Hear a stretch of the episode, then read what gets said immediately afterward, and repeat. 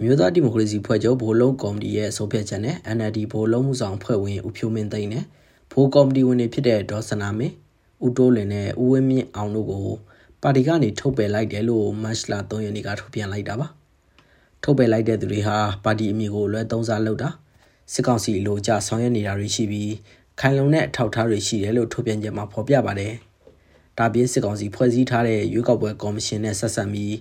ပါတီမှတ်ပုံပြန်တင်ဖို့ကြိုးပမ်းနေတဲ့သူတွေဖြစ်ပြီး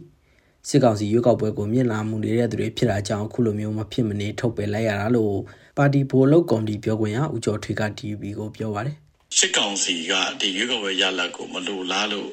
အာဏာသိမ်းတဲ့အမှုကိုကျူးလွန်ပြီးတော့ဒီရလဒ်ကိုအာရုံတော်အောင်ရွေးကောက်ပွဲကော်မရှင်တစ်ဖွဲ့ပြီးတော့ရွေးကောက်ပွဲအတုလုပ်ဖို့ပြင်နေတာမှာဒီလူတွေကအဲ့ဒီတရားမဝင်ရွေးကော်ကို ဆက်ဆံပြီးတော့စစ်ကောင်စီရဲ့ပုံပုံနေဥပဒေတိုင်းလိုက်နာဆောင်ရွက်ဖို့ကြိုးပမ်းနေတာစစ်ကောင်စီရဲ့ရွေးကောက်ပွဲအတူကိုမြင့်တာမူနေတာက2020ရွေးကောက်ပွဲရလဒ်ကိုစစ်ကောင်စီအလိုကျခြံထားခဲ့ရရောက်ပါတယ်။ဆန့်ကျင်ရရောက်ပါတယ်။ကိုပါတီကလူကြီးတွေကိုစစ်ကောင်စီကဆွဆွဲထားသလို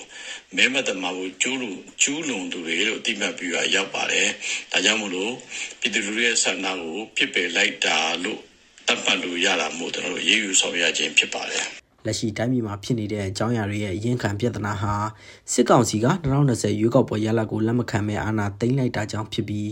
ထုတ်ပယ်ခံရသူတွေရဲ့ရည်တည်မှုကစစ်ကောင်စီကိုထောက်ခံရရောက်နေတယ်လို့လည်းဆိုပါတယ်။ဒီအခြေအနေတွေနဲ့ပတ်သက်လို့ဒေါ်ဆန္နာမင်းကတော့ BBC နဲ့အင်တာဗျူးမှာညင်းဆိုခဲ့ပြီးသူတို့အနေနဲ့ပါတီမှတ်ပုံတင်ဖို့ကြိုးစားမနေဘူးလို့ဆိုပါတယ်။ဒါပေမဲ့လည်းစစ်ကောင်စီရဲ့မဲခိုးမှုဆွဆဲချက်တွေနဲ့ပတ်သက်လို့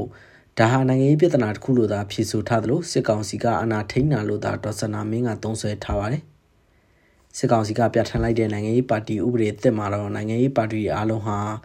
ဒီဥပဒေကိုထုတ်ပြန်တဲ့ရက်ကနေရက်ပေါင်း60တွင်ပြန်လဲမှတ်ပုံတင်ရမှာဖြစ်ပြီးမှတ်ပုံတင်ရင်ပြက်ကွက်ခြင်းဒါမှမဟုတ်အရေးသွင်းမပြည့်မီသောနိုင်ငံရေးပါတီတွေအားလုံးကိုဖျက်သိမ်းမယ်လို့ဖော်ပြထားပါတယ်။လက်ရှိအခြေအနေတွေကပါတီဘိုလုံးမှုဆောင်တွေဟာ ဘယ်မှာရှိနေပြီးဘာတွေဆက်လုပ်နေတယ်ဆိုတာတိတိကျကျမသိရတဲ့အတွက်ဘယ်သူမှားပြီးဘယ်သူမှန်တယ်ဆိုတာပြောဖို့ခက်တယ်လို့နိုင်ငံရေးလေလာသုံးသပ်သူဦးတန်းစုနိုင်ကပြောပါတယ်။ဒါပေမဲ့လည်းပါတီတီရှိရင်မရှိရင်က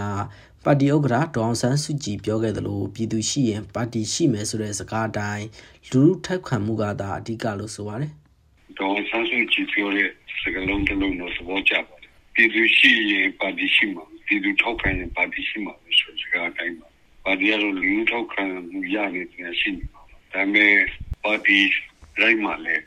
နော်တက်တနာတွေရှိတတ်ကြတာအဲ့တော့အခုချိန်မှာစကောင်စီကတော့ NLD ပါတီကိုနိုင်ငံရေးပါတီတရားဖြစ်ဆက်လို့မရှိသေးဘူးဒီကောက်ပွဲလည်းမပါဝင်သေးဘူးအဲ့ဒီမှာ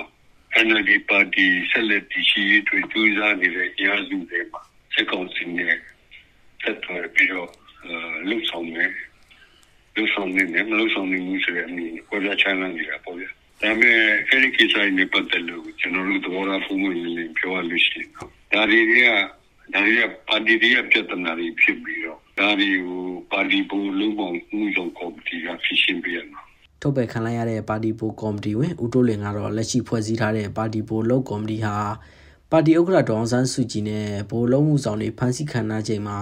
ဖွဲ့စည်းတာဖြစ်လို့တရားမဝင်ဘူးလို့သူရဲ့ Facebook လူမှုကွန်ရက်မှာရေးသားထားပါတယ်။ဒါနဲ့ပတ်သက်လို့ဘာမှမှတ်ချက်မပေးခြင်းဘူးလို့ NLD CWC ဘက်ကပြောဆိုပါတယ်။ထုတ်ပယ်ခံလိုက်ရတဲ့ပါတီပိုလုံးမှုဆောင်ဖွဲ့ဝင်တယောက်ဖြစ်တဲ့ရုံနိုင်ဝန်ကြီးချုပ်ဖြိုးမင်းသိန်းကတော့ဒေါန်ဆန်းစုကြည်ကိုရွှေနဲ့ဒေါ်လာတွေပေးခဲ့တယ်ဆိုပြီး